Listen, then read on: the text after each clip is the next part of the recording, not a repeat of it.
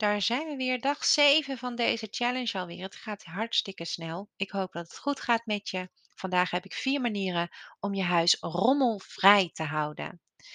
Koop jij iets nieuws, dan moet er ook iets weg.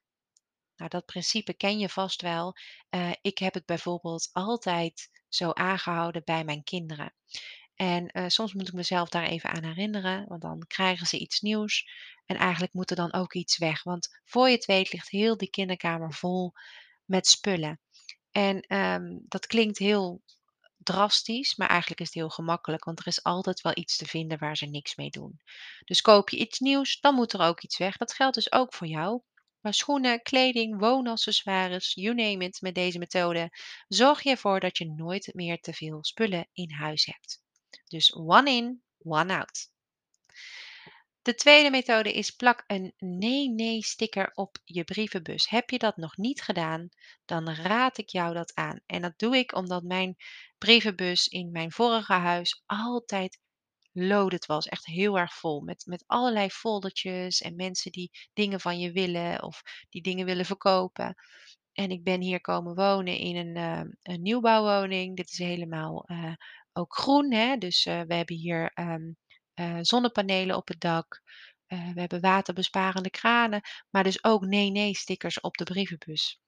En dat is natuurlijk met het oog op het milieu een stukje vriendelijker, want wij ja, besparen zo op deze manier heel veel papier, hopen we. Wil je heel graag foldertjes? Dan weet ik dat bijvoorbeeld bij Primera staat een, een hele grote pilaar buiten. En daar liggen foldertjes van de week in. En misschien is dat ook iets voor jou om op die manier toch de foldertjes te ontvangen als je heel graag toch die foldertjes wil hebben dan uh, voorkom je dat je het ongewild in je brievenbus krijgt. Dus dat je er wat mee moet gaan doen. En dan heb je het zelf in de hand. Zeg nee tegen gratis producten. Ja, dat is best wel lastig als je het heel, heel zwaar hebt financieel. Uh, daar kan ik heel veel over uh, vertellen, want ik kom zelf uit een best lastige situatie in het verleden. En dan komen er heel vaak mensen op je pad die je willen helpen met gratis spulletjes. En um, dat is allemaal heel fijn en uit beleefdheid zeg je eigenlijk nooit nee. En voor je het weet staat je hele huis vol met tweedehands meubeltjes die het eigenlijk helemaal niet eens zo goed meer doen of spullen waar je eigenlijk helemaal niks aan hebt. Probeer dus uh, nee te zeggen. Maar dat kun je ook, hè, als je er niks aan hebt dan. Hè, als je er wel wat aan hebt, pak het vooral aan.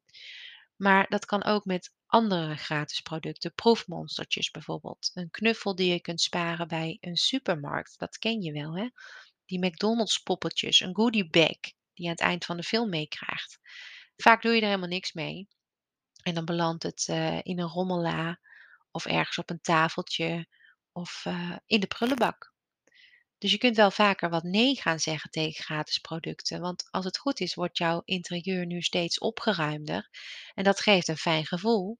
Maar waar je nu alleen nog moet, op moet focussen, is dat er geen nieuwe rommel het huis binnensluit. Dus zeg nee tegen die producten. Het scheelt jou weer opruimen en het zorgt ervoor dat je geen ongewenste rommel in je huis laat komen, laat binnenglijden.